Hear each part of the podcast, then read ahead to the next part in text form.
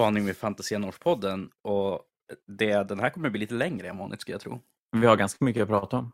Det är ju som om någon har missat det varit eh, Warhammer Fest online eller vad man ska kalla det. Ja, istället för att kunna träffas live i, är det Birmingham de brukar vara tror jag? det Så har de kört någon sorts lång sån här reveal som de brukar göra på lördagar lite då och då. Fem, fem dagar. Och det gjorde att vi spelade inte in någonting för en vecka sedan när vi brukar göra det för att det kändes som att det var en vecka där det inte hade hänt någonting alls och vi visste att det skulle vara en vecka där det skulle hända om ett annat ganska mycket grejer. Ja. Och då istället för att spela in en på spaningpodden efter varje dag, efter varje reveal, så tänker jag att vi tar, kör en lång nu istället. Men jag tror att det blir det mer intressant så kanske man kan snudda på de grejer man inte är så himla intresserad av och så sen dyka lite djupare i det som är spännande, vilket blev typ alla dagar i och för sig. Mm. Ja, men eh, ska vi kanske börja lite grann vad vi kanske tänkte inför det här då? lite som, alltså det stora var ju den här hemliga revealen som skulle komma idag nu, alltså den åttonde. Men ganska roligt. Jag tycker väl ändå att den som vi ändå hade minst koll på och inte hade egentligen gissat alls, det var den här box game revealen som vi kommer till som var dag fyra. Och kanske det mest, minst spännande också. Annars, om vi bortser från lite så här sena rykten om en Eisenhorn reveal idag, så tycker jag ändå att vi var ganska rätt ute på de flesta grejer. Mm. Ja, alltså, du vet, jag är ju lite så här konspirationsminded när det kommer till sådana här saker. Jag undrar om det är GW som har hållit på att bara kasta rykten överallt den här veckan. Så folk ska bara, det kommer en ny, nytt till Heresy, det kommer Old World, det kommer Eisenhorn tv-serie. Så att folk ska som vara all over the place när det väl är dags för att, eh, som var edition. Eller om det är bara vi hobbyister som är oroliga själar by heart, så att säga. Jag tänkte så här, det, det är en ganska rolig så här konspirationsgrej att tänka sig att det är så, men jag tror inte det behövs. Nej. Jag tror GW ganska länge, för, för ganska länge sedan har insett att vi gör det för jävla bra själv. Lite som att läsa regler. Menar Jo. de rules as intended? Written? Jag vet inte. Vad står? Jag förstår ingenting. Är lite börja samma inte med rules as intended. Det, det, alltså, grejen med nu ska jag ranta bara lite grann. Det är ju att du påstår att du vet hur reglerna var intenderade att spelas istället för rules as written. Och det känns som ganska, ska vi kalla det lite som eh, högfärdigt på något vis. Att ja, alla har Det ju som känns precis som, känns precis som en sån community som kan vara. Att jag är, jag är lite bättre än dig, för jag vet hur det här är tänkt att det ska läsas. ja. Nej, men eh, mindre rantade om rules as intended. Ska vi ta och börja på eh, första dagen? Och, eller kanske till och med det som kom innan första streamen. Ja, men precis. De har ju börjat med de här äh, Monday preview-grejerna. Och trots att de ska ha en dag där de har reveals, vad blev det nu? Blev det måndag, tisdag, onsdag, torsdag, fredag, lördag? Eller Ja. blev det tisdag? Nej, det blev måndag. Ja, det blev måndag redan. Mm, måndag till lördag. Så trots det så klämmer de ut en modell på måndag i den Monday previewn. Ja, Jättekonstigt tycker jag. Att de inte var sparade den till alltså 40 den här stora revealen. Det var ju en sjukt stor reveal för Orker senare i veckan som kom och ja, som sagt, det, det är bara konstigt. Men eh, dag ett, ska vi börja där kanske? Ja, men det kan vi göra. Absolut. Dag ett var ju Age of Sigmar. Grejen som jag tycker nu med vad heter det, Age of Sigmar, att de sätter väldigt mycket så här ton inför vad nästa edition kommer vara. Och visst, vi fick se lite vampyrer, men nog var det ändå ganska sönderfokus på Kragnos som kom. Och för er som inte vet så är Kragnos den här nya destruction-guden som kommer som är God of Earth, Earthquake, the nigh unstoppable juggernaut of destruction. Och det, som sagt, det är ju som en helt ny grej som kommer till Age of Sigma. Alltså det är en så här gammal gud som har legat under ett berg i en gassiljard år sedan Croak tog och spärrade in honom där. Men nu han är tillbaka och ska, jag antar, orsaka jordbävningar. Vi får se. Och Ja, ja, det låter inte helt orimligt eh, jag som Beast of spelare är ju faktiskt lite bitter, måste jag medge, att Kragnos är Destruction. Jag tror att vi skulle kunna prata ganska länge om hur han kanske inte passar in så jättebra i Destruction och ska passa in jättebra i en Beast of Chaos-lista. Men Det här är den andra, alltså bergsguden som har alltså animalistisk tema vi får, alltså så här, inom ett år, som inte är till Beast of Chaos. Mm, Och det här gör mig för, förbannad. Nej, kanske inte. Alltså, eh, visst, det är jävligt Sträng. coolt. Det är jävligt coolt att de försöker som, göra någonting nytt. Och, eh, nu tycker jag Beast of Chaos är ett dåligt exempel, men Destruction förtjänar också att få lite kärlek. De har varit lite grann på the down low, även om de har fått som en jättefaktion för ja, snart ett år sedan blir det. Att det, det är väl faktionen som har fått är mest statister i Age of Sigmar, eller vad man ska kalla dem. Och att de får en gud-tier-modell som bara kan dundra in och är stor och cool och häftig och farlig. Det är ju faktiskt någonting Destruction förtjänar, tycker jag.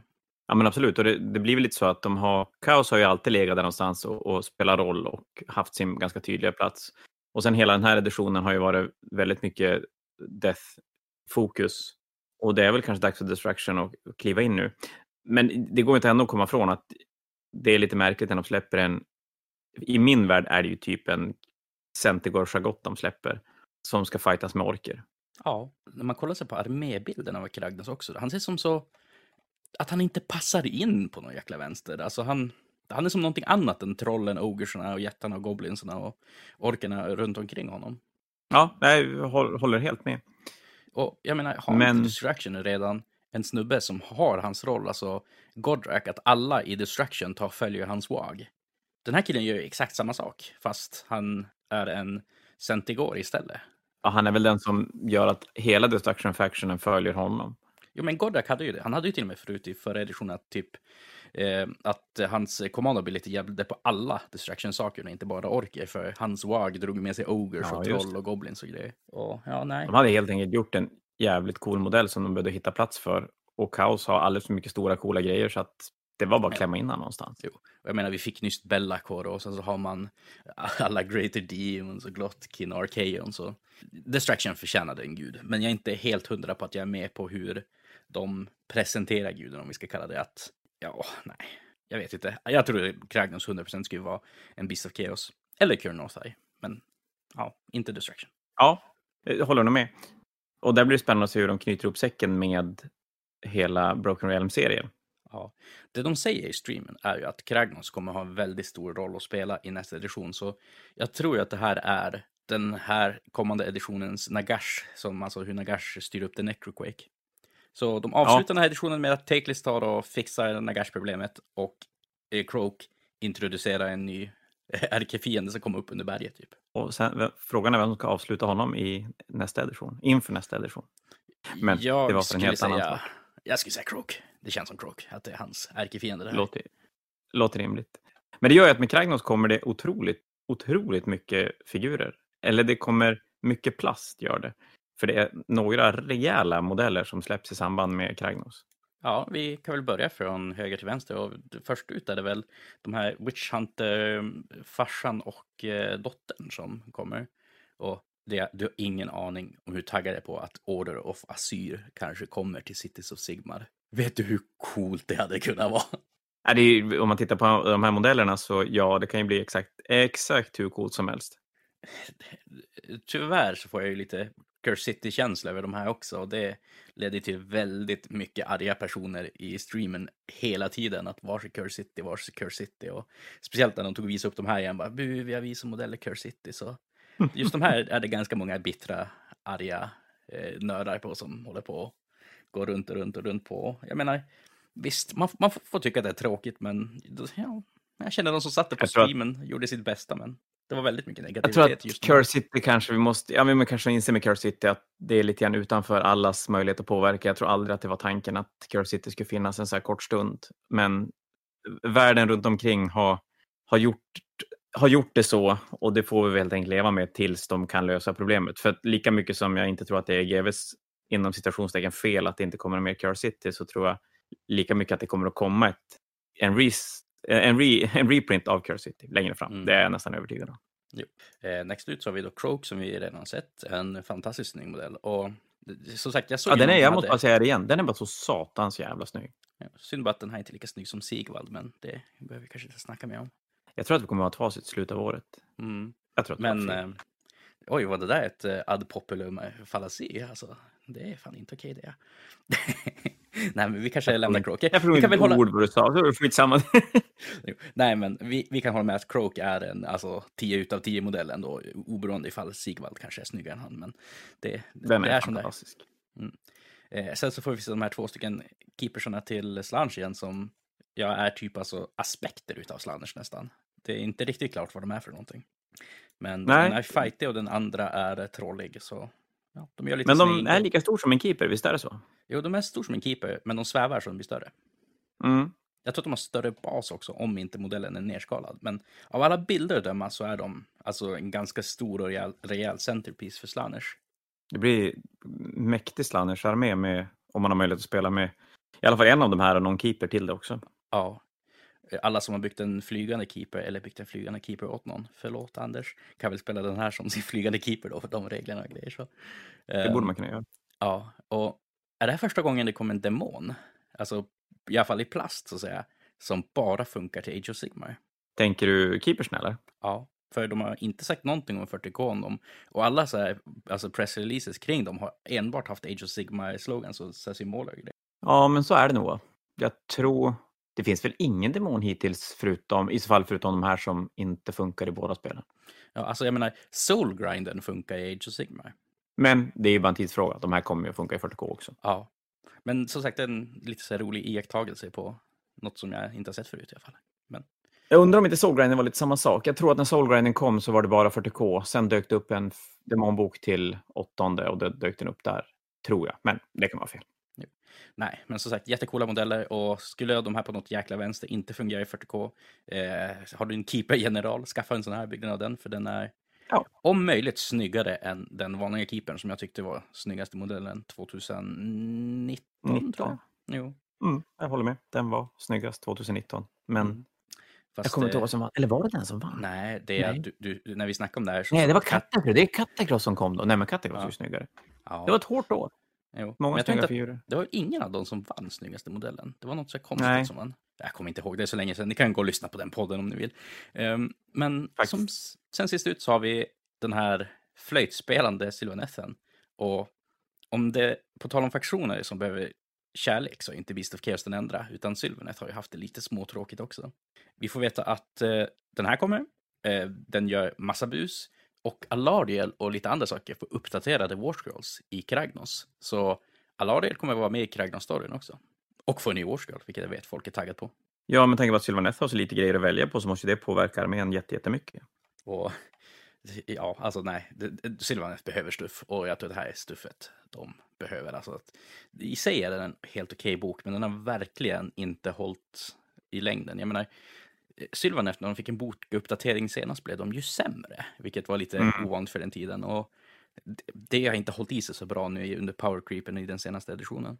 Men GW gör ju så ibland att de, det är som att de sätter en nivå för en kort, kort stund och sen ångrar de sig och så blir det jättekonstigt för den eller de böckerna som råkar komma precis där när de ska som tona ner det på något sätt. Det är lite märkligt. De gjorde nästan samma sak i 40K när de väljer att höja poängen inför nionde och sen kommer det kodexar som inte alls ligger riktigt samma nivå som den poänghöjning allting fick inför nionde. Kan det vara så att GW har dålig koll på hur vad som bra inte?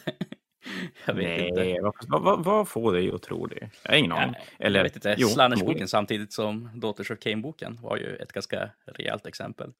Och... Ibland. Jag tror ju att det de har störst problem med, det är väl egentligen poängsättning. Regler, framförallt numera, känns det som att de är ganska duktiga på att skriva regler. Jo, men nu finns det ett par missade också. Nu kan jag ju bara tala i Age of Sigmar, men Blade Lordsen till Luminet är ju verkligen det brinnande exemplet just nu. Eller Slangors till Slaners. Det är ju två stycken bara tokdåliga Warsgirls som är jättekola modeller. Och ja, nej, alltså jag vet inte. Det, det är bara konstigt. Och jag vet inte riktigt. Alltså det, det vore kul att se så här mer detaljerat kodexskrivarprocessen och vad det är som leder till det ena eller det andra. Ja, intressant också för eh, det måste jag säga som, som har lite bättre koll på 40K än Age of Sigmar, så i 40K just för tillfället lyckas de skriva böcker som nästan helt genomgående har bra enheter. Det har varit så med ja, men i stort sett alla nionde editionsböcker kan du nästan ta vilken enhet som helst som, och det är som, som sämst helt okej. Okay. Ja, och jag menar, det är det ju inte i Age of Sigmar, men vi har vissa böcker som verkligen sticker ut. Typ Daughters of Cain är ju förmodligen den bästa boken, alltså bäst skrivna boken då, som har kommit sen, ja men säg typ så här 2019 eller något i den stilen. Mm. Och, men utöver det så har vi alltså ja, men Slannersboken är ett exempel på där saker bara är helt förskräckliga till att vara överprisade. Och så har vi Lumineth-boken där vi har sentineller som är bonkers jävla überbra och sen så har vi Stoneguard och eh, Vanari Blade Lord som är mindre vettiga. Och det, det svingar väldigt mycket fram och tillbaka och det kan jag tycka är lite tråkigt. Så att, ja, nej. Hoppas att de får ordning på det till, till nästa edition. Ja. Men det är också en bra Det poäng. ju. Vi vet ju inte att säga att det kommer någon mekanik i nya editionen som gör Vanari Blade Lords så über jäkla bra som vi inte vet om. Kan ju hända, även om jag inte tror det. Men det kan hända. Nej, det, det finns ju alltid den möjligheten så här inför en ny edition och det brukar ju vara ganska klassiskt att man, ja men den här regeln den verkar vara skriven för den nya editionen. Oftast är det ju inte så, men eh, ibland händer det ju faktiskt. Ja, Men Slangor-modellerna, de är fan, har ingen ursäkt. De är bara dåliga. Oh, vad ledsen jag blir. Däremot har jag sett att folk har modeller. köpt dem till annorlunda projekt. Folk spelar dem som Keeper of Secrets till, eh, eh, vad heter det, Titanicus. Och det är lite coolt. Jag tänkte säga Keeper of Secrets, där är man fan ute och cyklar Mm. i, i storleksskalan, men ja, Titanicus Folk kanske som- funkar bättre. Folk som har byggt sin Night Army, sådana där, byggt olika typer av keepers, och det, det är ett coolt bygge. Ja, det kan jag tänka mig. Ja, Ja, för det är men- coola modeller. Ja, men vidare på det så har vi fått se vampyrer. Och Ja, det mesta av det här hade vi ju redan sett, förutom lite av nya grejerna. Och först ut är det väl Lauka Wai, eller hur man uttalar det, The Mother of Nightmares, som är en drakcentaur vampyrgrunka, eller vad man ska kalla den för. Och det här är ju en typisk modell när GW har varit, alltså, varit modiga, för det här är ju verkligen något som folk älskar eller folk hatar. Och det verkar inte finnas så mycket mellansteg där, så att säga. nej. Den här är ju verkligen antingen eller. Gud vad många olika photoshoppade varianter av den här det har funnits. Mm. Jag, alltså jag är jättesugen på att ta sära på den här, ge den Sigvalds ben och sen så ge den där något annat huvud och bara som kallar det för en vargul och få bygga andra vampyrer på något vis att den typ står och powerposar på en ruin eller någonting och säger bara att nej, nej, den kan transformeras så den får vingar och saker, men den är i sin human form just nu eller något sånt där. Ja, jag såg någon som hade gjort en, en modell där de hade gett den här nedreven ett huvud och så sen mountat vampyren på. Nu, nu är jag är ju mer åt det hållet att tycka, jag tycker att den är svincool och jag gillar att de gör någonting som inte är klassiskt. Och här hamnar vi väl i det här att gör GW det klassiska, då kommer folk tycka det är tråkigt. Och när de gör så här, då kommer folk tycka att det är för konstigt. Men jag menar, jag tycker ändå det är bra att de gör så här, att det kommer en som är verkligen out there, att de prövar någonting nytt. För de vanliga vampyrerna har de ju släppt typ så här åtta modeller av de senaste månaderna, Mm. så det finns ju att hämta därifrån. Så att det kommer en skum eh, vargulf, vampyr, drake, grunka, det, det, jag är fan ombord med det. Ja, verkligen. Den, och jag, alltså jag tycker den är, är svincool. Även om vinkeln på den manliga varianten är lite konstig på bilden de har på communityn där han ser ut att köra fingrarna i halsen och äta någonting olämpligt. Men det såg bättre ut när man fick se honom från andra vinklar. Han sitter vid ett dukat bord och bara, äh, äh, Heimlich-manövern någon. Jag tror att vampyrer bara hade liquid food, så att säga. Utan Ja, måste- precis. Det, Ja. det var någonting, någonting i blodet. Mm. Så det är en helt ny bloodline, eller vad man ska kalla det, för ja, vampyrerna. här. Men eh, på tal om bloodline så får vi ju, eh, alltså, eh, vad heter de? Den här vargbloodlinen som fanns i Ulfenkarn också i form av Radukar the Beast. Här får vi lite, lite, lite konspirationsteorier från Henrik också. Ja, det, det här är ju något som jag köper inte det helt ut, men det är en rolig konspirationsteori. Det är ju att det här är egentligen en cancelled Curse City-expansion. Båda de här två karaktärerna som kommer till alltså Curse City för eh, de där snubbarna på basen, alltså de här små som eh, vampyrerna som är del av den här bloodlinen. Vad vi har sett så kommer de inte få regler eller någon enhet överhuvudtaget. Så att de är på basen är som bara som konstigt för honom, utan men den hade ju passat in perfekt i en Curse City-expansion. Med den här pojken att det är typ så här, det som händer efteråt eller på något jäkla vänster. Och, Ja, Det håller ju inte i tidslinjen, men Nej, men som sagt, där kommer argumentet att GVs tidslinje är ganska fucked up som den är, men den skulle behöva rejält sönder för att det skulle funka på det viset för Radar. ja, den hade ju behövt vara trasig med ett år nästan. Ja, och det Och jag tror inte City hade tänkt komma i, i mars i fjol. Nej. Eh, sen så Den har vi... jävligt cool. Men sen så har vi också den som började hela den här Vyrkos, Vyrkos eh, bloodlinen. Belladama Volga the first of the Vyrkos. Och det här är ju den coolaste vargen som GW någonsin har gjort. Som hon har på basen. Ja, utan tvekan. Ja. Eh, Hon däremot tycker också en så här cool, så här, typ tänk dig lite så här Kisslevite eh, dam som går omkring och så lite maffiabosskänsla. Om det är någonting jag ogillar med henne är det att hon har så små vargtassar som sticker fram under kjolen. Men jag antar att det är en sån snygg detalj, att det är så deras bloodline blir, att de är lite varulv slash vampyraktiga. Och det är väl egentligen det jag tycker om mer det. Att det är en sån detalj som inte bara råkar vara knasig utan det är verkligen tanke bakom det. Mm. Eh, hon ska tydligen synergera jävligt bra med eh, Direwolves och kan göra fienden till Direwolves och grejer. Och... Men på tal om Direwolves, vi får nya Direwolves också. Det kommer så sjukt mycket grejer. Det kändes inte som så här mycket när man, när man lyssnade på revealen i måndags, men det är ju jättemycket saker som kommer.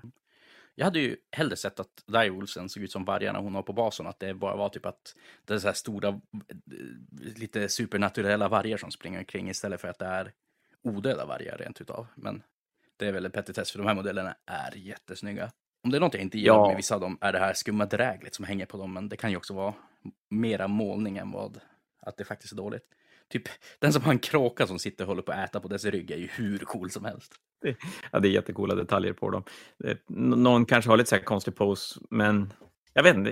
det- känns som att den här typen av fyrbenta grejer är inte alltid allting hittar hem. Men det här är ett bra kit, är det. Och det här kommer ju användas till mycket kan jag tänka mig.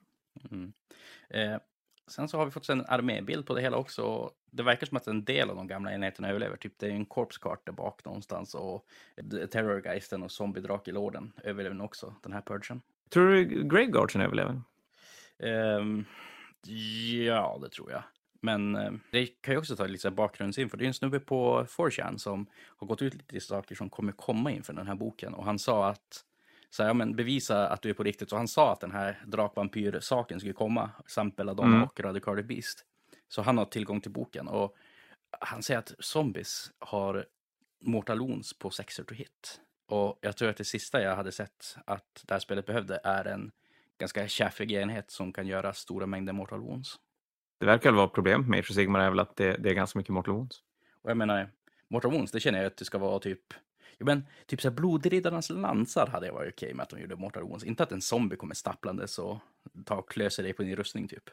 Nej, det är alltid farligt när de slänger ut sådana där grejer lite till höger och vänster. Kanske hålla, behålla, behålla det till de som ser ut att verkligen passa in, vad ska jag kalla det, alltså som ser ut att passa in med att ge Mortal Wounds. Så varför ska zombies ge det om inte skelett ger det? Och, ja. Mm. Och jag menar, så, men zombies, deras bett är farliga, gör det till en zombie. Jo men rustning borde väl hjälpa mot det. Att kommer det en stormcast och sto- zombie försöker bita den och det här med vad fan håller du på med? Istället för att zombien bara biter magiskt genom ett mortal wound på honom.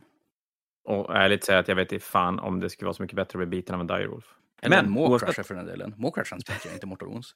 Och det, det, det, Nej, men då, då, då dör man av andra anledningar, höll jag på att säga. Men oavsett med, med vampyrreleasen nu så kommer det vara en armé som har en fantastisk modellrange. Ja, alltså det här bådar ju gott för de andra fraktionerna som är lite äldre som hoppas på en sån uppdatering. Typ, tänk om Beast of Chaos får en liknande sån här. Då, då, då, ja, det skulle vara så jävla... nu, nu snackar jag mycket om Beast of Chaos, men det är för att det är synd om Beast of Chaos. Men du, kan man ha cryptflayers i eh, odöda nu? Eller är det bara, Eh, vad heter jo, de? Det där är ju? Cryptflash, eh, det där är ju Wargeist man ser. Ja, men just det. Och för dem kan man ha med i... Ja. Det är ju Ja. ett helt annat eh, kit än Cryptflares. Och så. Cryptflares är ju att man bara har tagit Crypt Horrors och gett dem vingar. Det här är ju faktiska vampyrer. Ja, men du bygger dem ur samma kit, va? Ja, är precis. Det var det. det är en helt annan Warscroll och de tillhör inte samma Ja, faktion. Wardscale, ja, det var bara samma, det är samma låda, tänkte jag. ja, det är det. Då är jag med. Nej, men det är, det är väldigt mycket snygga figurer och de tar ju bort de tar ju bort de gamla fula modellerna rakt igenom. För de som de behåller av de gamla figurerna är ju bra. Jag, Mm. Ja, alltså, kärran är snygg. Var, alltså Terrorgeisten är också oerhört snygg faktiskt för att vara en så gammal modell. Ja, ja, absolut. Eller ja, den är inte så de- gammal, men för äldre modell kan man kalla den för. Han börjar vara ett par år på nacken. Så att det, nej, det är bra. Ja, Och då missade vi faktiskt, när vi gick igenom här, missade vi, jag vet inte riktigt om det var bara att de inte var med på bild, men det kom ju nya fladdermössor. Som sagt, de var inte så revila på streamen, men som sagt, det kommer nya fladdermöss och nya zombies, nya skelett som ser väldigt mycket ut som Graveguard. Eh, ulvarna, eh, Blood Knights och eh, vad heter de? Fellbats. Men Ja, de, de bekräftar ju att, att eh, den här bilden som de visar på communityn över hela armén bekräftar ju att skeletten och zombiesarna ur Curse City kommer i egna Ja. lådor. Jo. Och skeletten är så jävla coola. ja. Som sagt, jag tycker att de borde ha skippat Graveguards och bara slagit ihop skelett med Graveguards och så låtit zombiesarna vara det här stora tjaffiga enheten som inte kostar någonting. Men undrar om Graveguardsen kommer att se lite löjliga ut i jämförelse med de här skeletten. ja, de kommer vara små och eländiga och fula. Och, ja. Det är bra att de kommer komma på 32 mm baser istället för 25 ja, Det har ingenting att göra med att jag har satt mina på 32 ingenting Det är bara alls. det jag tror. Nej, absolut inte. Men du, det var måndagen. Fast det, jag Va? tänker om det där är Nej. 28 mm baser. De ska stå på 32 er. Det är det bästa. Mm. Jag blev det var riktigt jävla dålig också. Förutom det här mobilspelet de annonserar, men jag vet inte hur taggad jag är på det. Så, så här, det, det, det är någon så här typ... Det såg jättelöjligt ut. Ja, men det typ, tänk dig så här att en så här builder fighter grej som har blivit populärt via, jag tror det är League of Legends som har något liknande och sånt där.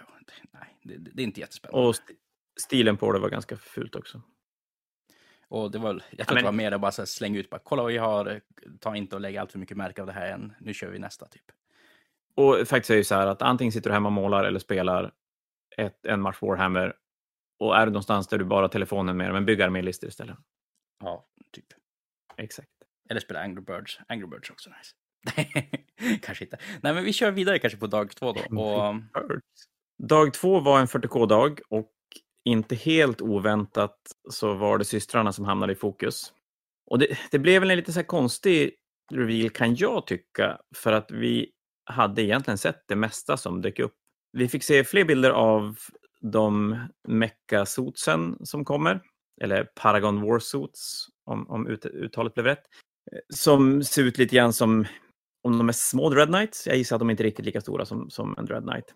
Vi fick se lite mer bilder på deras variant av en Predator, som, alltså en Castigator istället, som jag har förstått att internet dog över.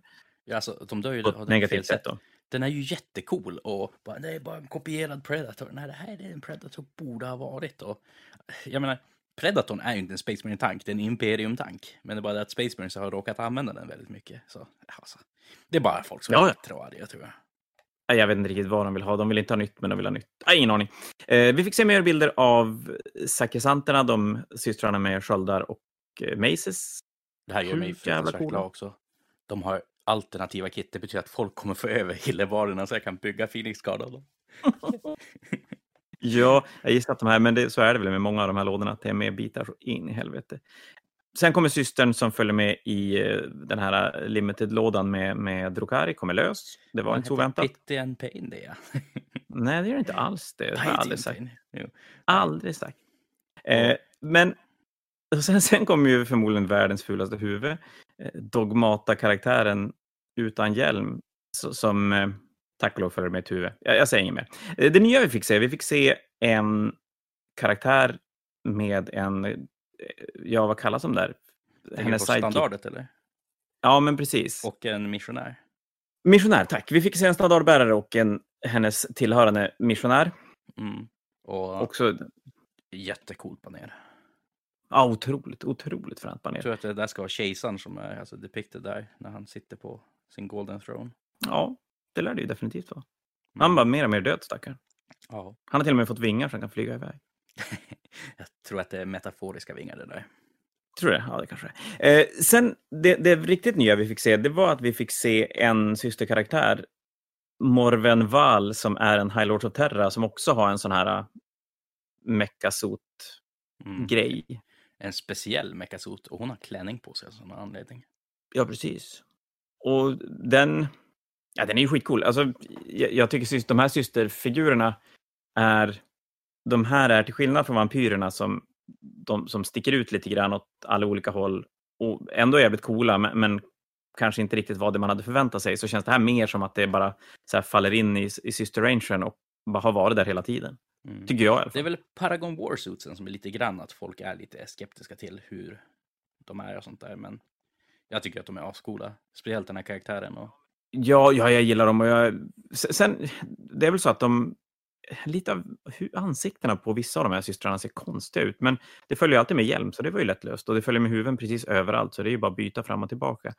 Och sen så kan det vara lite, alltså, nu, nu är, säger jag inte att Heavy Metal-teamet är dåliga på att måla. Det är bara att de målar ansiktet på ett väldigt speciellt sätt så att de är som i GV-stil. Och det kan få vissa ansikten att se konstiga ut. Ja, det är inte första gången en modell har sett annorlunda ut på målad bild än vad den gör när man ser den live. Så att oftast är det väl bäst att vänta tills man får hålla i figurerna och, och pilla och få känslan av hur stor saker är. Det är till exempel den här eh, Morven Wall-karaktären. Det är ju väldigt, väldigt svårt att få en känsla av hur stor hon är. Men eh, det- med henne, hon är ju en High Lord of Terra, så det är coolt att vi fått en till sån. Jag tror att hon är den tredje som det finns modell för. Och Ja, vad, är det, vad heter han, Custodes-karaktären? Mm. Tra, tra, Trajan. Trajan Valoris, men jag brukar bara kalla han för inte Valdor, vilket det var när. Exakt. Och så Robert Gilman. Är... Ja, han är, jag tror att han är vad heter, Lord Commander över The Imperial Guard. Så ja, Ja. det här är nummer tre. Om inte Cole är Och då kommer ju det här- general, men jag tror nog inte han är fabrikator general. Nej, jag har ingen aning. Men eh, oavsett så kommer det här i samband då med en systerbok.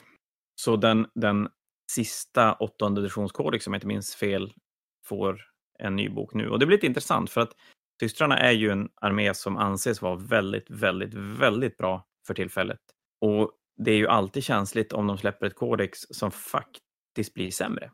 Men är inte lite grann syndromet på den här också? Att det är en bok som kommer som nästan in på sig själv. Och hade covid-19 och Brexit varit typ ett halvår tidigare så hade systrarna kanske haft samma problem att boken kom jättekonstigt i förhållande till nästa bok som kom. Att den typ hade knappt hunnit vara ute och du hade 23 stycken kvar på hyllan. Lite så. Ja, jo, det är det definitivt. De, de kommer väldigt nära varandra och som du säger, hade det legat en corona lite, lite styrd mer åt systerhållet, höll jag på att säga, då, då hade vi nog varit i exakt samma situation.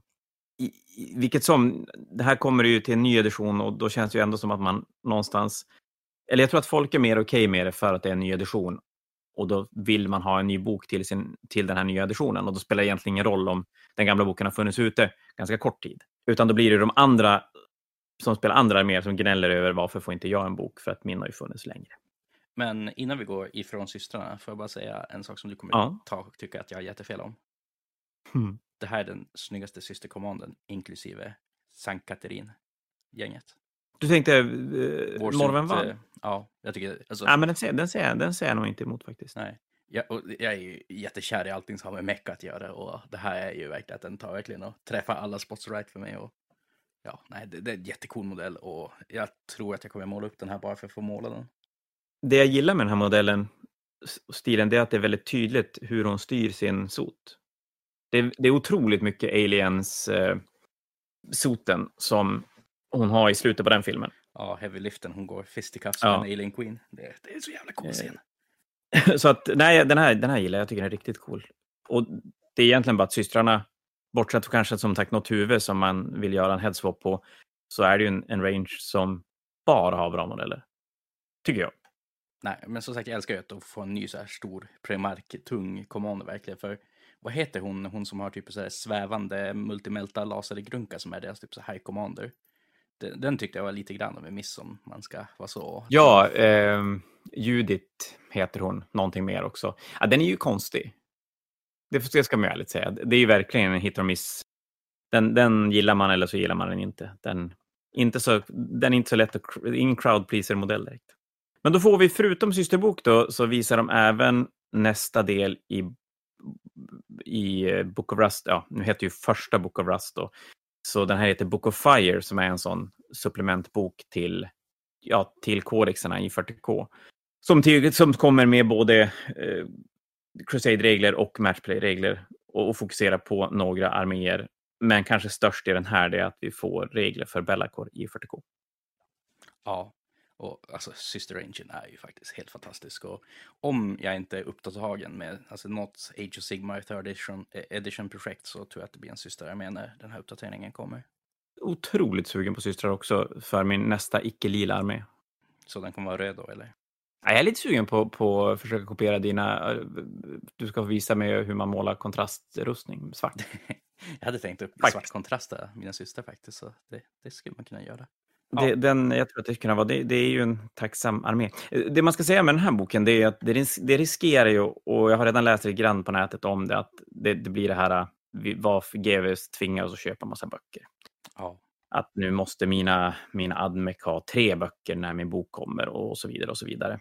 Och jag tycker att det är lite synd att fokus landar där när de släpper nya böcker. För fine att det följer med regler som, säg, admec-spelare vill ha. Men om, om alla de här som gnäller över att man måste köpa en till bok ska vara riktigt ärlig med sig själv, så ganska få av dem köper ju nya böcker, utan tar ju den informationen antingen digitalt genom att köpa den digitalt eller att ladda ner den digitalt, om det rör sig om två eller tre sidor regler.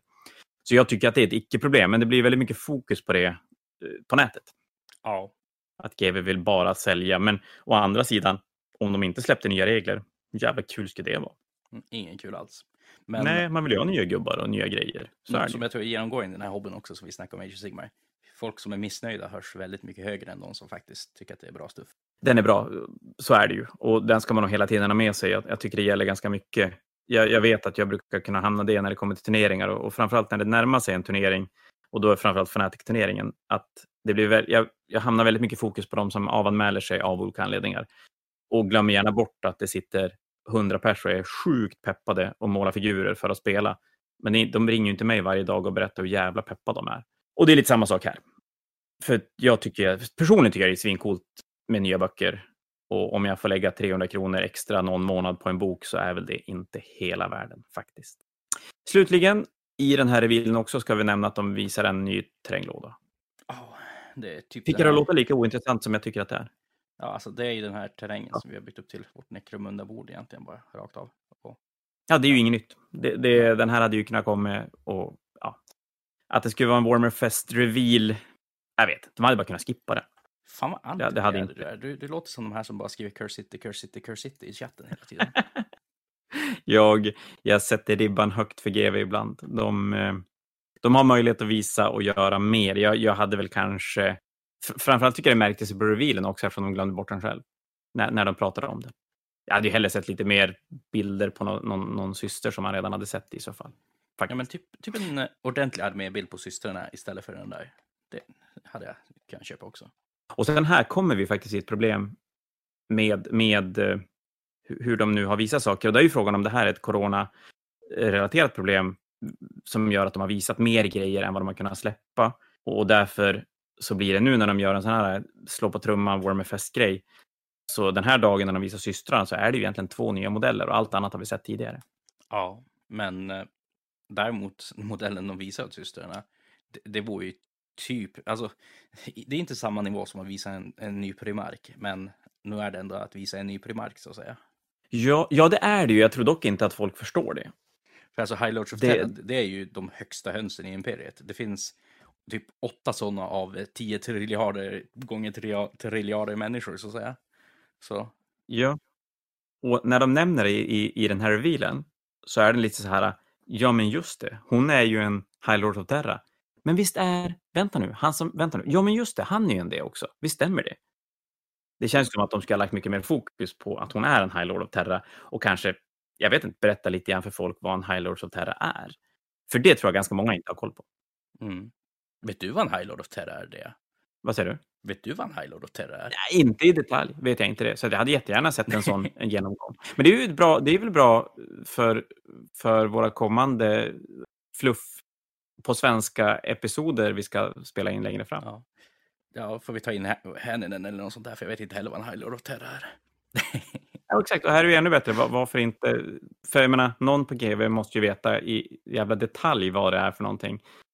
Och det hade ju varit ganska coolt att kunna lägga in det. Och i samband när de pratade om henne, att visa henne som i samma nivå som då eh, Trajan Valorius eller eh, Robert Gilman för att verkligen förstå vilken, vilken nivå av modell de har släppt. Mm. Men som sagt, det här sätter igång lite grann så bandet på mig, liksom vad som skulle komma skall om det börjar komma High Lords och grejer.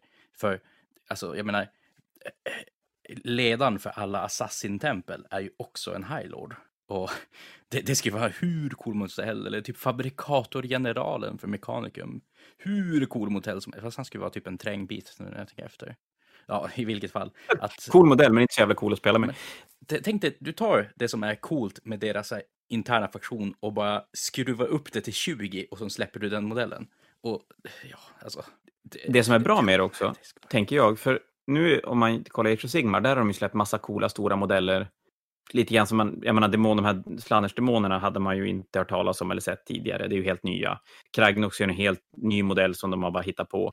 I 40K har de ju inte riktigt den möjligheten på samma sätt för att storyn är ju som skriven på ett, på ett annat sätt. Och primarkerna, även om de inte finns som modell så är det ju så otroligt tydligt hur en primark ska se ut.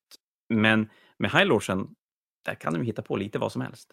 Jo, för den är egentligen vi får se av dem. Det är ju ibland så här i vissa editionsböcker att man ser det här som councilet av de olika highlordsen och då brukar det vara fyra eller fem stycken på bild. Och det är ju verkligen så här blanchistu-art över det hela och att de är så här, verkligen att det finns alla har alla detaljer och så mycket stuff som det bara går på sig. Och de, ja, alla är jättekola. Jag älskar de bilderna man får se dem. Ja, nej, så där, där känns ju som att, för jag tror ju inte till skillnad från ganska många som tror att de kommer att släppa ut premarker till höger och vänster. Jag tror ju att det kommer att dröja jätte, jätte, jättelänge tills vi får se en, en lojalistprimark i 40K. Mm.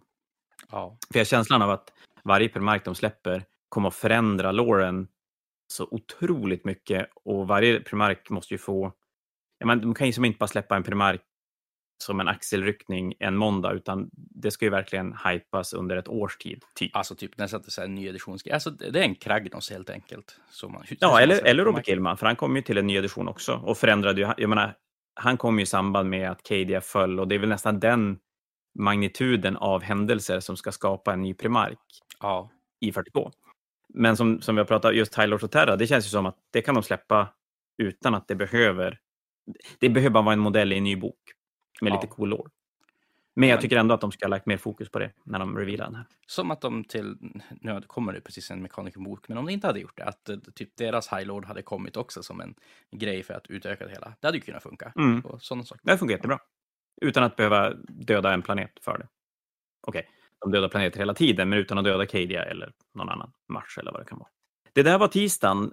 Det var en systerbok med en nummer två i War of... Nej, Warzone är Caradon. Jo, jag tänkte. Caradon som character. Alltså, så att det blir väldigt Ja, just det. Ca- Caradon. Eh, nummer två, Book of Fire, var det. Eh, men du, onsdagen då? Ja, det är kanske den snabbaste vi ska prata om. Att eh, de hypar upp igen hela den här Sabbath Crusade. Och Sabbath Crusade, det är ju Tanith First and Olney-böckerna där vi följer Ibrahim Gaunt och hans eh, Merry Band of Murderers helt enkelt. Och hur, vad de gör grejer och ja, hur Ibrahim typ i Warmaster nästan, har jag för mig. Eller Ja, jag har faktiskt inte, bara läst- Nej, han heter inte Ibrahim, han heter Ibram, sorry.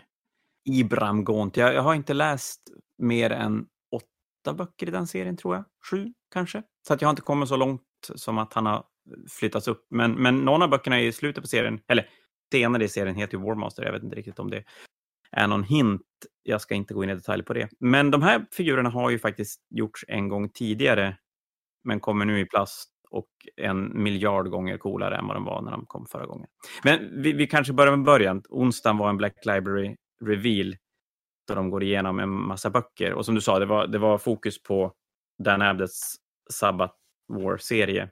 Det jag fastnar med de här modellerna, alltså de, de är ju skitcoola. Har ni inte läst serien, Gone Skull-serien, så läs Gone Skull-serien. Den är Ja. Jag har ju bara läst otroligt första jävla bra. boken, men den, var- så det, det, det är fan något man ska läsa om man gillar Guardsman. Ja, ja. Den, är, den är helt, helt fantastisk och Dan ämnet är ju en...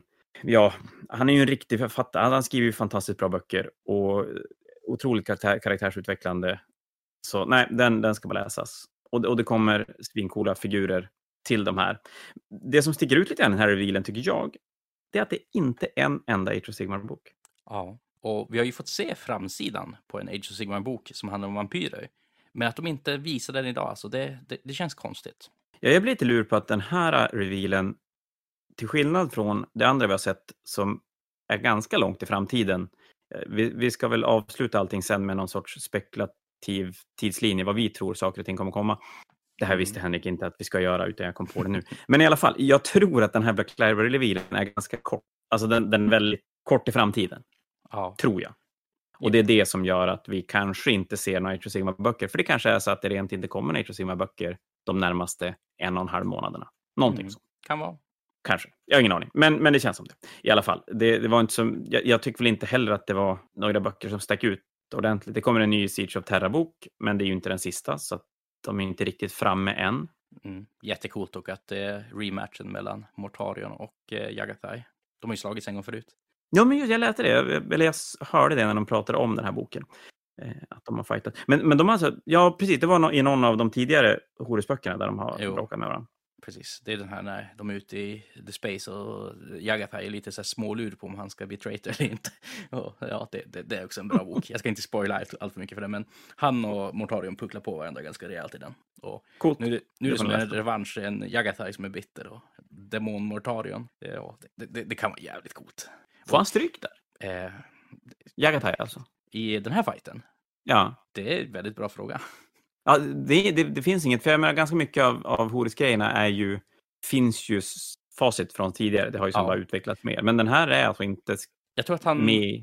Nej, alltså, som sagt, man, jag tror att man vet om att fighten händer, men vi vet inte vem som Mm. vinner den. Oh, Och coolt. Ja det här är också jättekult, för alla andra lojalister tar ju trycker innanför murarna, medan White Scars bara rider omkring på sina rad motorcyklar utanför och håller på och jagar traitors. Och det, det- ja, det, det är så coolt alltså. Det, om man gillar White Scars så det här är definitivt en bok man ska läsa. Det kan jag tänka mig. Jag har ju läst, jag har ju läst en sån här äh, Space Marine Battle-novell med White Scars där de, en White Scars-snubbe kör sin bike och hoppar från en klippa in i hytten på en jag tror att det är en stompa eller så är det en Gorkanaut kanske. Nej, det är nog en stompa. Och så racear han omkring inne i, i cockpiten och dödar alla orker och sen hoppar han ut och så sprängs den bakom honom. Jag är inte en stompa än, bara en stor Gorkanart i och för sig. Jo, precis. Så det är någon av dem. Jag är osäker på vilken storlek det var på den. Ja, eh, de kommer säkert i olika storlekar. Men eh, Ja, en Gorkanaut är ju liten. Stompan är mycket större. Jo, men jag tänker att orkerna är inte så noga med klassificeringar. Så, eh, när, Jo, gud jo. Det är skitviktigt. så när En en Gorkanaut är Gorkanaut... en liten, Stompa är större. Och så Mega Gargant.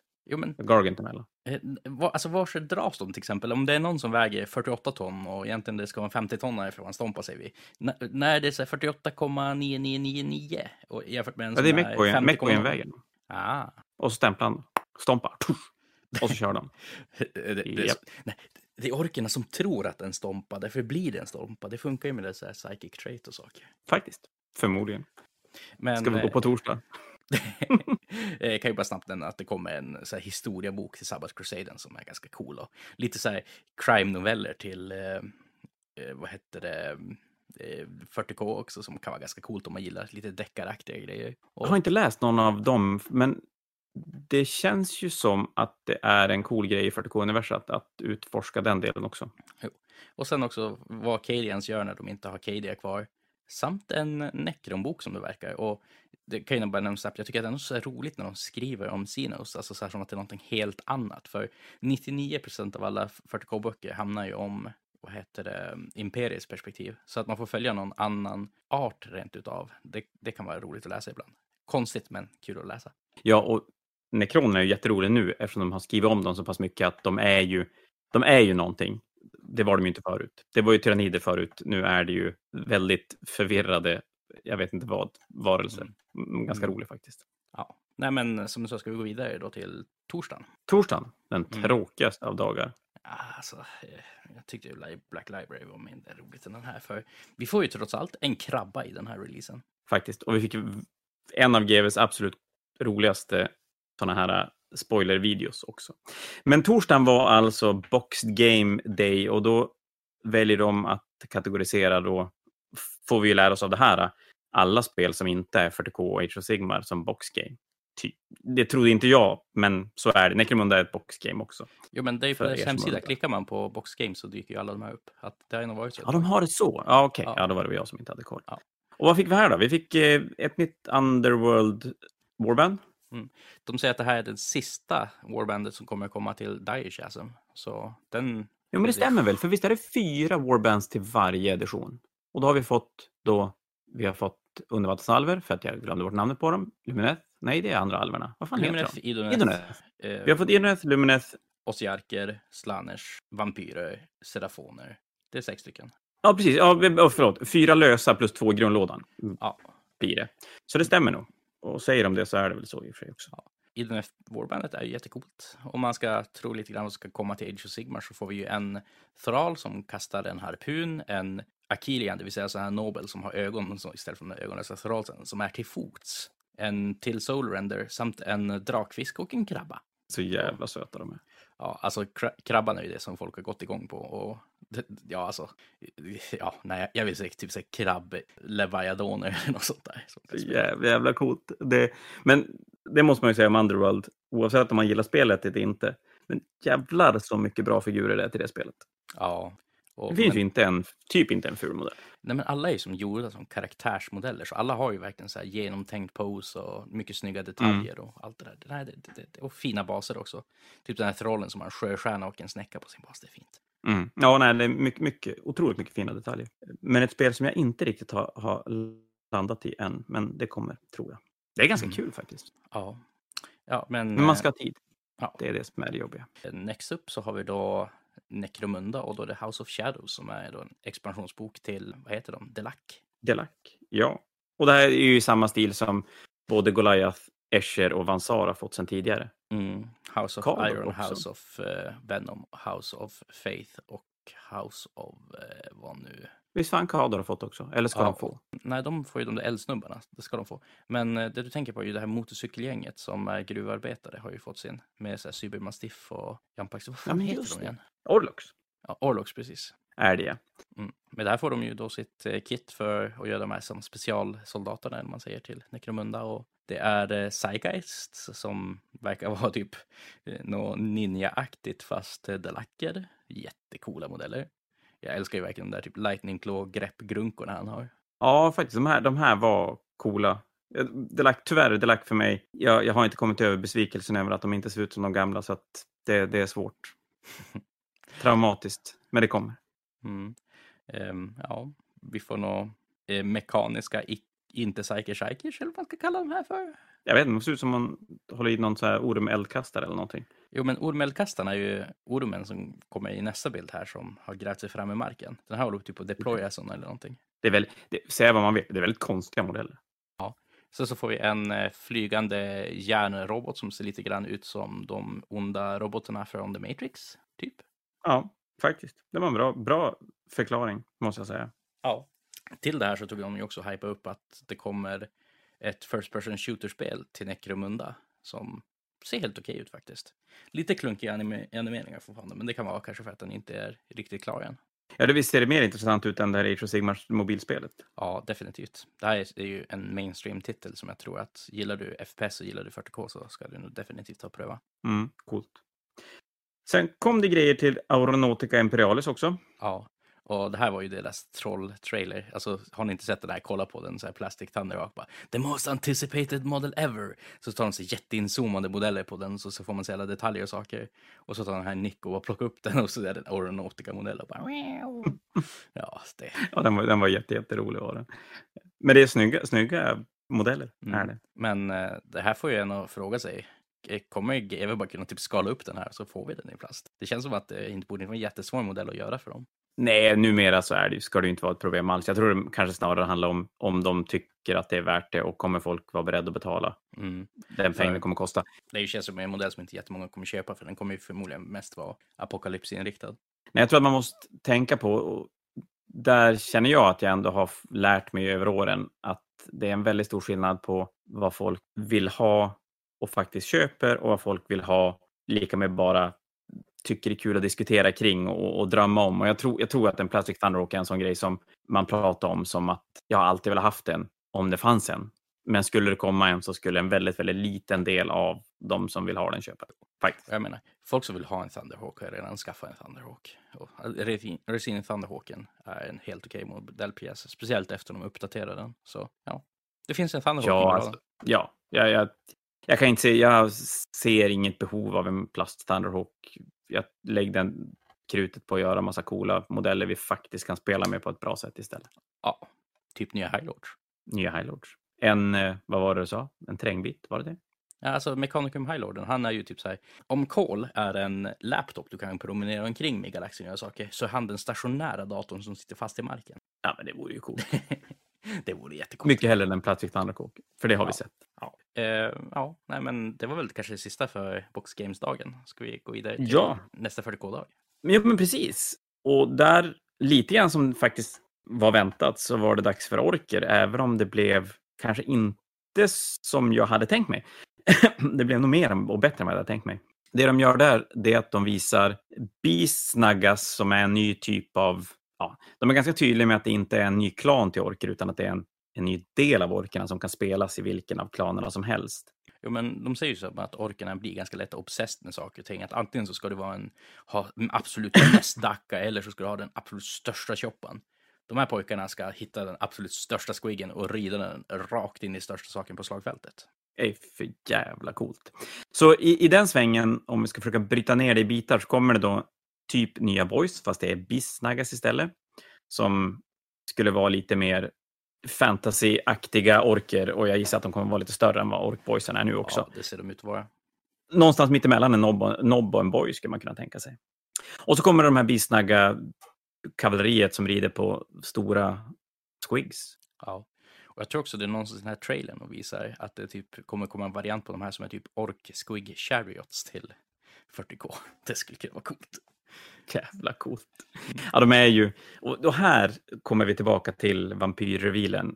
Här vågar de ju göra någonting som ändå på något sätt jätteklassiskt, men ändå någonting helt annorlunda än vad folk hade väntat sig. För att nu hade man... Hade de sagt att de skulle göra det här utan att berätta i detalj, då hade man ju utgått från att det var vildsvin de skulle rida på. Ja. Och Eller varianter av vildsvin. Jo, men allt det nya kommer ju så här, typ tänk dig Lumineth eller systerlåda med så här limited edition codex och allting. Och tycker jag är ganska vettigt sätt att släppa dem på. Och, men det Ja, som det du säger, eh, det här är verkligen en hit eller miss. Och jag tycker ju att, jag har ett ganska bra exempel på just den här releasen. Boysen är ju typ de coolaste orkerna de någonsin har släppt. Men jag gillar inte alls Squig-ryttarna. Nej, och det är ju så, ändå så att Squig-ryttarna är ju inte en sämre modell rent designmässigt. Men de är ju konstiga. Så är det ju. Det, det är ju designen där. Det jag tycker är roligt här däremot är att för er som har varit med jätte, jätte, jättelänge så i första Orkorixet så fanns det en karaktär som hette Sodgrod. Och han försvann i tredje editionen och kommer tillbaka nu, gör han, med en ny modell, eh, Quite Obvious, som är svincool. Som ändå påminner ganska mycket om den gamla modellen, fast i, i ny. Och det är en, en, en runturd som bygger knasiga saker.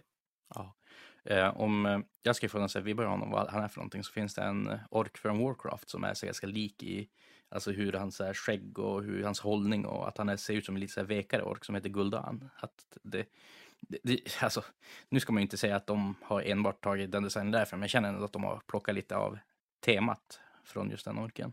Så- Jag har inte, det, nästan lite sugen. Jag har faktiskt second edition Corixet och eller jag har jag har haft möjlighet att kika i det ganska nyligt och det skulle vara kul att läsa lite om hur han var lårmässigt i andra editionen och, och hur mycket den här modellen ändå på något sätt följer det eller om de har gjort om den helt och hållet. Och jag minns på vad heter det, streamen sa de att ja, han kan göra så att Gretchkins blir bara näst sämsta enheten i spelet, så de blir lite bättre än vanliga Gretchkins. Men det kan räcka ibland typ. Och det är ganska coolt. Ja, för sen kommer då en, en, ett nytt kodex till orkerna och då blir det då inte bara en, en expansion med de här bisnaggas utan det blir en, en helt ny bok med alla enheter i dem. Och det ska bli sjukt spännande att se hur de får orkerna att landa i 40K. Och om de lyckas göra den som de har gjort med alla andra böcker som vi nämnde lite tidigare, att alla enheter är som spelvärda på något sätt. Sen avslutar de Orchid-releasen med att visa en Warboss i Mega Armor. Det här är ju en modell som har funnits regler för jätteofta, men har som inte haft någon riktig modell. Nej, är det någonting orkerna, och, och jättekonstigt, de har ju alltid saknat en Warboss. Även utan Megarmor. Den har följt med så här i någon grundlåda, den har funnits i någon gammal metallmodell, men de har haft skitdåligt med karaktärer av någon jävla Mm. anledning. Ja, och den här pojken säger att han har absolut störst choppa, vilket jag köper för han verkar vara en ganska stor snubbe och har stor yxa. Han Ja. har tagit en, eh, ska vi kalla det en te- teknologi från Cawdor, att man tar en mindre snubbe och sätter han på ryggen med en Big Shoota så får han skjuta saker. Och det, ja, varför inte? måste vara sjukt effektivt. Alltså, Gretchkinen har ju BS3 istället för BS2, så det är ju bättre Att att han skjuter. pöbeln. Ja, ja det, Eh, det funkar.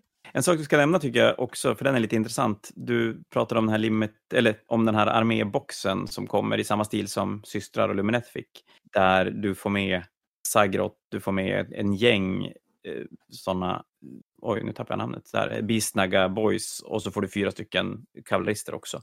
Och då nämnde de ju, det var ju någon som frågade på Twitch-streamen om den skulle vara limited och den kommer vara limited.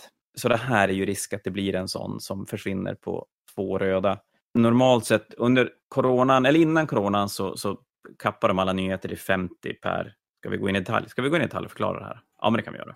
Eh, varje butik har ett konto från GV. Om man inte blir tillräckligt stor, då har man två konton från GV. Vad egentligen det innebär det är att du får beställa nyheterna och en restock i veckan separat. Normalt sett får vi beställa en gång i veckan per konto. Det gör att man beställer nyheter och restock i, i samma. Och har man två konton då beställer man nyheter separat från, från påfyllningsordrarna.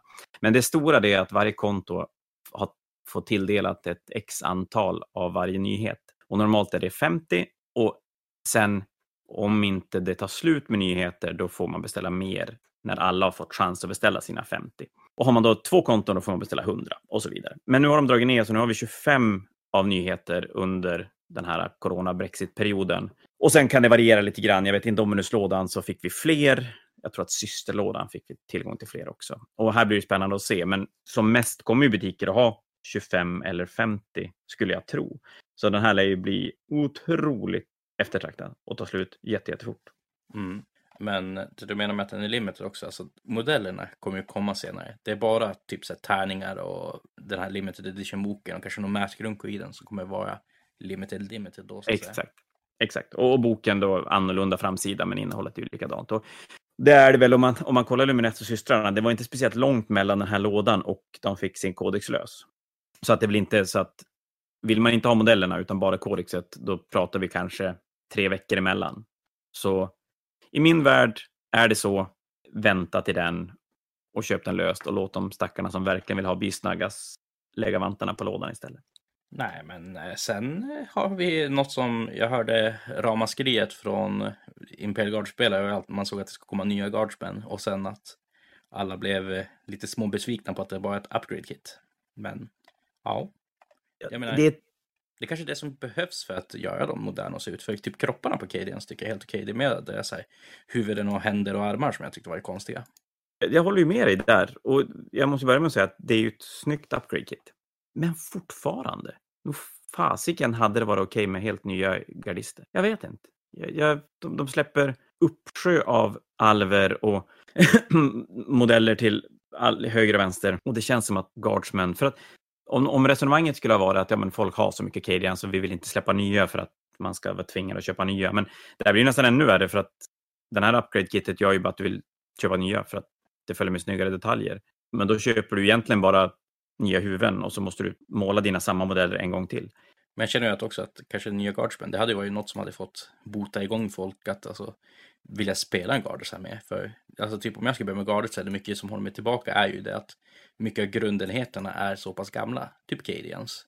Att ja, men det, det blir ju precis som vampyrerna från början, som vi pratade om i början här. Att fatta om de hade släppt vampyrerna men inte släppt nya skelett och zombies. Framförallt zombies. Eller, bäst, jag tycker nästan bästa exemplet High Elf i sjunde eller åttonde editionen fantasy. När de släpper White Lions, Phoenix Guards, eh, Swordmasters. Nej, inte Swordmasters, det kom inte. Men det kom nya kärran till White Lions. Mm. Det kom Dragon Princess. Det kom så sjukt mycket snygga figurer. Och så sitter de kvar med Silverhelms, Archers och Spearmans. Och sina gamla draklordar. ja. också. Eller kom det? De, Fast de var ju ändå ganska snygga. De var ju ganska, nej men de, de var ju men de var ju snygga. Men mm. Spearmans Archers är fula så in i helvete. och, och, det gör ju att det blir inte så spännande att plocka upp den armén för att du är som ändå låst att ha de här gamla modellerna. Och jag känner ju samma sak med Astra Militarum, att Katashans och Cadians, även med nya huvuden och nya vapen, så, så kollar man, de har en bild på community-sidan där du har nästan som en boxart på de här nya modellerna med. Och där har de sergeanten, med, alltså det, bara där ser man ju så här kanten mellan kroppen och, och armen, ser ju, den är ju gammal. Tänk om de hade istället för det här gjort typ så här, ja men Armageddon Steel Legion till exempel. Det hade ju varit att folk skulle ha gått i taket med tagg så att säga. Ja, ja. ja jag, jag tycker det här är en, det är en, jag hade köpt den här releasen alla gånger för tio år sedan. När det kändes som att de gjorde inte plast av allting. De, det var en liten, liten lyx att få ett nytt plastkit till en, en, en armé. Men jag menar, nu är det ju inte det. Nu kommer ju karaktärer, nu kommer det så här limited-figurer i plast. Så, så det är inga konstigheter längre. De får skitsnygga huvuden i den här lådan. De får jättecoola armar och egentligen bara få sätta nya kroppar på de här hade ju varit drömmen. Det finns väl dessutom redan ett upgrade-kit åt dem? Att du kan bygga dem till Gene Kalt, har jag för mig. Så det är som... Ja, ja. Det, det, det, gör ju det. Det finns ett, ett Gene Kult upgrade-kit gör det. Så att, ja, jag, jag vet inte. Eh, ett snyggt upgrade-kit men en konstig release, får jag säga. Ja. Men eh, sen så avslutar de hela den här dagen med att de visar en trailer där vi får se Grey Knights. Och det, de tar ju hinta jättemycket på att Ja, det också, men de tar ju hinta jättemycket på att Castellan Crow kommer komma tillbaka som alltså, så här, ny modell och grejer. Och det, är, det är faktiskt bland mina favoritkaraktärer från Grey Knight, så jag är jättetaggad på det. Och det ska jag säga, sådana här reveals älskar jag. Den här, äh, vi berättar men inte hur mycket som helst. Jag tycker, det, och jag tycker de är så jävla duktiga på att göra den här typen av, av eh, animerade videos. Men vad tror vi? Grey Knights och Thousand Suns eller Grey Knights och Demoner? Jag har för lite data för svar på frågan. Beep boop. Nej, du, men... du, du, får, du får gissa. Man kan bara chansa. Jag tror jag är lite rupp att det blir Demoner. Varför inte alla tre? Nej, i och för sig. Det skulle, Thousand Suns är en sån, där behöver de ju bara släppa en bok. Inga figurer egentligen. Eh, demoner behöver ju bara en bok, inga figurer. För de får ju figurer till Age of Sigmar, så där behöver de bara slänga in regler till dem så är de ju hemma. Nej, det blir coolt. Eh, så ganska mycket 40K-grejer, faktiskt. Men den, den, stora spekulationsdagen. Ja, och som sagt, veckan innan så skulle jag kunna satt pengar på att det här skulle vara en ny Age of Sigmar edition. Men allt eftersom veckan gick så blev jag fan mer osäker och osäker. Det var ju snack om att det skulle vara en så här, Eisenhorn reveal och det skulle vara mm. eh, Horus Heresy eller Old World och grejer. Och då blev jag fan lite suspekt på det hela. Men det visade sig ändå vara Age of Sigmar till slut. Ja, men här är det väl det. Communityn blir väldigt konspiratorisk och, och börjar spekulera lite grann som när man läser regler. Och här, det här var väl verkligen så. Hade man bara så här gått på det första, ja då, då visste vi att det skulle vara en ny edition som de revealade. Mm. Vad säger du då? Nej, alltså de gick ju mest igenom story och så, så visade oss lite modeller. Och storyn verkar ju vara att det ska vara Alltså att The Mortal Realms är långt ifrån säkra, det är fortfarande kaos överallt. Och så visar de oss den här framsidan på boken med den här nya Stormcast-hjälten som kommer. Att det är verkligen så här lite order som har kaos överallt omkring sig och de slåss en ganska desperat fight ändå. Men att mm. de har som ändå börjat gå lite grann på offensiven för att här, trycka tillbaka Age of Chaos ordentligt nu. De... Ja, de sa någonting om att när de öppnar upp portarna och släpper ut order för att ta tillbaka mark så kommer en av tusen att ta sig till sin plats dit de ska för att som bygga en ny stad och, och ett nytt fäste för order. Så att, eh, ja, mycket casualties på vägen. Det är lite uppförsbacke, men det, de säger att det kommer vara väldigt mycket så fokus på också destruction-delen i den här editionen. Att eh, vi har fått så första ordentliga kartan av ett område i Gur och jag tycker det är jätteroligt. De snackar om att så här, kontinenterna slåss mot varandra i en så här, eh, fight för överlevarna. Men här ser man ju faktiskt att det är två kontinenter som har något som ser ut som så här, landmassor som ser ut som eh, käftar som håller på att ge sig på varandra. Att det är som är ganska... Jag du sa det. Det är precis. Jag satt, jag satt och kollade på revealen på telefonen och då tänkte jag inte så mycket på det. Men när jag ser det nu i större bild så det är ju fan exakt som att kontinenterna håller på att äta upp varandra. Ja, och kollar man på den här eh, kartan så finns det jättemycket saker som man känner sedan tidigare. Det är ju som de nämnde på streamen att Beastgrave är där långt ut till vänster och det är ju förra editionen i eh, eh Underworlds Och sen så har vi eh, alltså Meatfish More Tribe som är tänkt dig det här grundläggande Ogre alltså Mortriven som är mm. verkligen som det finns mest Ogre till. Och så får vi också vars Excelsis ligger som är en till Cities of Sigmar som är eh, i Gur. Och som City-spelare är jag jättetaggad på fler, att få fler cities och fler regler. Och det här känns ju som att förr eller senare så kommer vi kunna spela i Exil. I Exil. Coolt. Sen kommer det en ny Stormcast-modell också. Eller det kommer komma massa nya Stormcast-modeller, men det blir väldigt mycket fokus på en av dem. Om, jag får nästan lite vibbar av, av samma som vi pratade med systerkaraktären som kom. Nu har de inte sagt det här, men jag har en hypotes kring det. För de säger att det här ska vara alltså Primens motsvarighet. Mm. Som sagt, Sigmar har ju två stycken ikoniska vapen. Det är ju hans eh, hammare Galmaras och hans eh, eh, lightning spjut. Alltså, typ om vi ska gå i fornnordisk mytologi så är det att han ger eh, Mjölner åt sin prime och så, så ger han då alltså Gugnir åt eh, den här nya. Att han som delar upp sina vapen åt de två olika. Ja, och, det låter ju jätterimligt. Ja, men som sagt, det finns inte bekräftat någonstans, men Sigmar har ett spjut och han gillar att ge bort vapen åt sina förkämpar. Och hon har ett spjut. Ja, och hon var en beast killer var hon. Mm. Ja, Passar väldigt bra med Kragnos då. Ja, så hon ska ge sig på stora saker helt enkelt. Men eh, det som vi kan nämna med den här modellen också. Stormcast har ju alltid haft så här de där skumma light eh, när de flyger. Hon har faktiska vingar. Ja. Så jag undrar om GW har eh, som satt sig ner och bara varför säljer inte våran Stormcast-release så bra? Gått igenom allting som folk tycker är så konstigt och annorlunda med dem och gjort verkligen Stormcast 3.0 nu med eh, hur de här ser ut. För Vet, I förra editionen fick vi se Sequitors att de kom så här, det vart mycket mera rockar och eh, tyg och fladder och grejer. Men det här är någonting verkligen helt annorlunda. All rustning är annorlunda på de här. De har inte sina så här, magiska vingar längre, utan de har faktiskt så här, fjädervingar och grejer och blir mer angeliska. Så nej, jag, jag, jag tycker det är ett bra steg av GW. Vet du vad de gör? Tycker jag. De går mer och mer ifrån Space Marines och gör dem mer och mer till en typ av fantasy-riddare i stilen. För det tycker jag man ser på de här nya Stormcast generiska modellerna med spjut och sköld som ska komma i en grundlåda också. Att de har den här lilla kjolen med fjällpansar till exempel. Ja. Och att de också är mycket, mycket smalare än vad vanliga Stormcast är. Mm. Och har inte lika mycket de här som helgjutna rustningarna, utan här ser man ju faktiskt att det är som olika rustningspartier med mycket nitar och grejer. Och så, Så- står de inte i den här bajsande posen som gamla Space Marines gör. Och så är de mindre hero scale också, ska jag våga på. Så typ, ser du, om du kollar på hans spjut till exempel, hans hand är ganska liten för våran Stormcast. Mm. Samma sak med dolken på hans rygg. Om man kollar så på en Stormcast-dolk, de är ju hur stora och verkligen nästan lite cartoony-aktiga. Den här är ju som, bara som en liten som dolk som hänger där. Och, De visade i streamen en, en bild, eller var det i streamen de visade? Jag, det? jag såg en bild i alla fall på en sån här ny, eh, vad heter de? De här hade inget speciellt namn de här, eller? eh, jo, De de, heter Vindicat, Vindic, Vindicator. Ja, Vindikator. Eh, De visade den tillsammans med en Liberator. Och det är ju ganska stor skillnad på modellerna faktiskt. Och jag måste säga att den här känns mycket, ja men den känns mer fantasy, tycker jag. Mm. Ja, och storyn som sagt här så, nu ska vi inte spoila Bellacoy-boken alls för mycket, men de har, det här är typ en ny typ av rustning som gör dem mera knutna till Aselheim, så de har lättare att reforgea, samt att de exploderar när de dör och grejer så. Att det är som en ny form av stormcast som eh, Grugni har arbetat på. Mm. Och då kommer det en cool, var det en karaktär som skulle komma också, han med skölden och hammaren, eller var det en enhet också? Det är en enhet. Det är typ så här, alltid när det kommer ny Stormcast Chamber så blir det bara, nu får ni nya Liberators och nu får ni nya Paladiner. Och det är väl lite nya Paladiner. Och hur fan ska de göra allting spelbart i en bok om allt det här ska ligga i en och samma bok?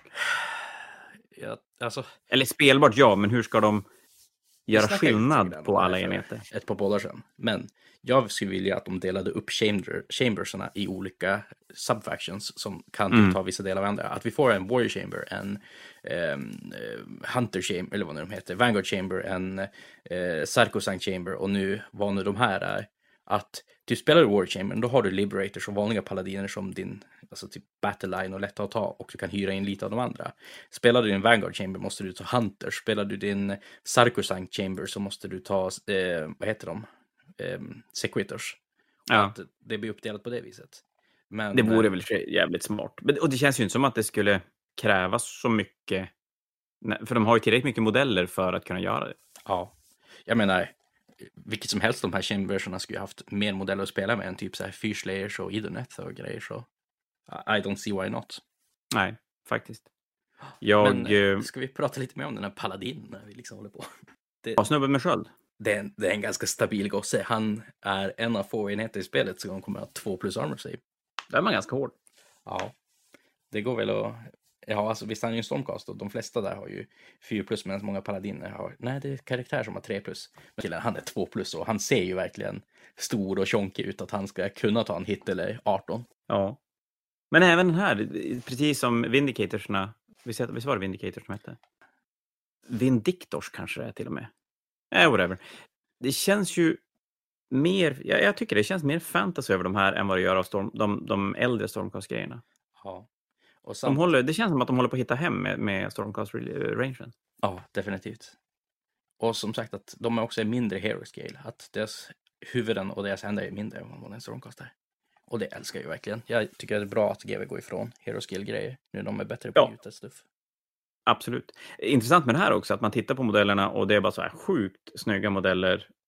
Och så inser man att det här är ju garanterat då tvåpartsmodeller från en grundlåda. Ja, speciellt om man kollar typ hur han håller skölden på armen och grejer. Att det, här, Ja. det, här, det här är en snubbe från grundlådan. 100 procent. Men det börjar bli bra modeller i grundlådorna. Ja. Men eh, på tal om grundlådor så tar de och ger oss en hint om vad som kommer vara skurkarna i den här lådan. Och som jag förstår det kommer det vara någonting helt och hållet nytt. Visst finns det rykten som pratar om att det ska vara spindlar? Goblinspindlar? Precis. Och det är ju den här trailern och visar ett gäng guardsmen som är runt en eld som så här, de säger att ja, en gick på Ica och skulle köpa, sen så var de bara fyra typ. Att hur Ja. försvinner en efter en och sen att det kommer massor med röda ögon överallt därifrån. Och det skulle ju passa, för det ska ju vara destruction-aktigt så att säga. Ja, men det måste väl nästan vara destruction i lådan. Eller ja, det är destruction i lådan eftersom de pratar bara om att det här ska lägga mer fokus på på Realm of Beast. Precis som förra la fokus på Realm of... Nej, är det Realm Ja, men precis. Och så sen är det Night Haunt i den. Så det är klart det är Beast i den här. Sen är frågan... Sen det intressanta här, det är ju att undra om... Om det nu blir spindlar som, som ryktena säger. Jag menar, de släpper en ny ork Codex och så släpper de det som tidigare har varit vildsvinsryttare fast det blir squigryttare istället.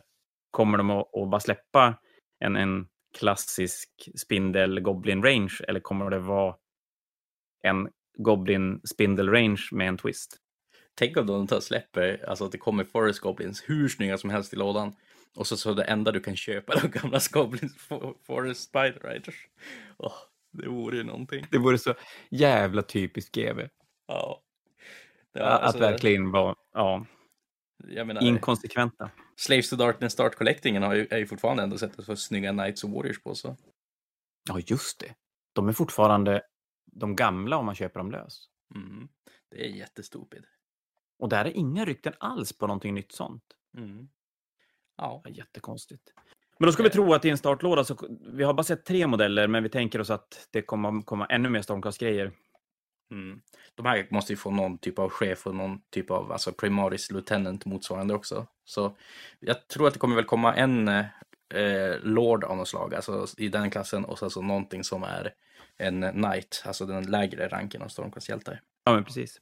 Vad var det, de pratade lite regler också i mm. revealen. Vad eh, sa de där? De har funderat väldigt mycket på dubbelrundan, säger de, och hur den ska påverka spelet. Och det tycker jag är jättebra för. Alltså, folk som börjar med Age of Sigmar säger ju alltid att dubbelrundan suger. Men det, det, man, man måste lära sig att spela runt den och så här mycket att du ska kunna som, alltså ge bort en dubbelrunda. Hur spelar du när du har en dubbelrunda som kommer emot dig jämfört med att du vet att nästa dubbelrunda är din? Och som när du ska försöka snipa in och få din dubbelrunda. Att ge bort dubbelrundan, eller tar jag dubbelrundan nu så får jag den inte senare och då måste jag börja spela passivt och grejer. Att det är en fruktansvärt stor del av Age of Sigmar när man väl lär sig hur man börjar spela det även om det inte är så uppenbart. Och att de säger att dubbelrundan ska som spela mer roll. Att mm. tar du dubbelrundan, då får du mindre command points att leka med. Och mm. det tycker jag låter jättebra också, hur spelet kommer funka. Att du får så mer command points att leka med, men att det kommer som ändå bero lite grann på initiativet, vem som tar det eller inte.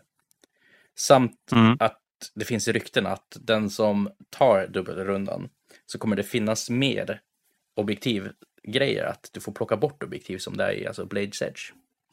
Ja, just det. Vi har faktiskt en podd ute med där du och Anton spekulerar just kring tredje editionen Nature Sigmar, så att vill ni höra mer om, om det så finns det att lyssna på. Jag tycker lite intressant sak däremot, du nämner det här med dubbelrundan och att det är en väldigt, väldigt taktisk del, men att många som börjar med det tycker inte alls om den. Och där måste ju då framförallt alla som har spelat mycket Age of Sigmar och gillar dubbelrundan, som det du säger, det här taktiska momentet som, som ger väldigt mycket till spelet, måste ju inse att den är ju jättefarlig att ha som den är nu. För att jag tror att väldigt många låter bli att kliva in i Age of Sigmar på grund av det. För att det tar så lång tid att komma till punkten när man inser att det här är någonting jag kan spela smart och bra kring. Inte bara någonting som är ett tärningslag som avgör matchen. Ja. Och då är det bra att de lägger in regler som berättar för oss, de som inte kan det, att kolla, det finns en fördel med att inte välja dubbelrunda. Eller så. Nej, men som sagt, alltså det med dubbelrunda, så det... Man ska ju aldrig som egentligen tänka bara att visst, får man dubbelrunda mot sig kan vara jobbigt. Men då har du också spelat på ett vis att du autoförlorar matchen på grund av att du fick en dubbelrunda emot dig. Mm. Borde, alltså, som sagt, man borde ha gjort någonting i sin runda innan för att ta och motverka att man blir tok sönderwipad av en dubbelrunda. Mm. Och om man inte gjort det, då har man ju spelat fel. Precis. Men det jobbiga är ju när man inte ser det utan blir bara less istället och spelar 40K istället. Och den, den vill man ju gärna undvika. Så att jag, jag tycker det är bra av dem att eh, bemöta dubbelrundan på ett sätt som gör den intressant för alla spelare, även för den som inte vill, kan, förstår hur spelet funkar på ett djupare plan, rent strategiskt. Kanske får hugga tag i någon Age of Sigmar någon dag, så gör en podd där vi bara snackar dubbelrundan i fyra timmar. Inte helt dumt faktiskt, för jag tror att, nej men jag, jag, jag faktiskt, jag tror att det är en, en, del som, för jag har om något både varit inblandad i diskussioner kring den och hört otroliga mängder diskussioner kring dubbelrundan. från personer som gillar den och inte gillar den och hur, hur den försvaras och argumenteras emot. Så, så eh, nog kan det vara vettigt att, att bryta upp den i bitar och, och gå igenom allting. Men det är ju knappast lönt att göra förrän vi får en ny edition. Ja, nej, men eh, det vi har typ arbetat oss igenom allting. Ska vi ha någon avslutande diskussion om det hela? Känner vi oss nöjda sådär? Nej, vi ska ju stolpa upp det här i någon sorts tidslinje nu. Eh, Det lovade ju du tidigare. Eller så var det jag som gjorde det. eh, lyssna på hela podden så snackar vi säkert någonstans om det. eh, Vars det är någonstans. Eh, nej, men vad säger vi? Jag tänker mig att det första vi kommer att se från den här release, den här previewn, är... Jag undrar lite grann om, ja, förutom de här boxgame och böcker och grejer, de är väldigt, väldigt svåra att stoppa in någonstans i en tidslinje. Men jag tänker mig att jag tror att vampyrerna ligger väldigt tidigt ute. ja, innan nästa har- edition kommer, ska jag säga. Ja, det stod till och med någonstans att de skulle släppas i maj.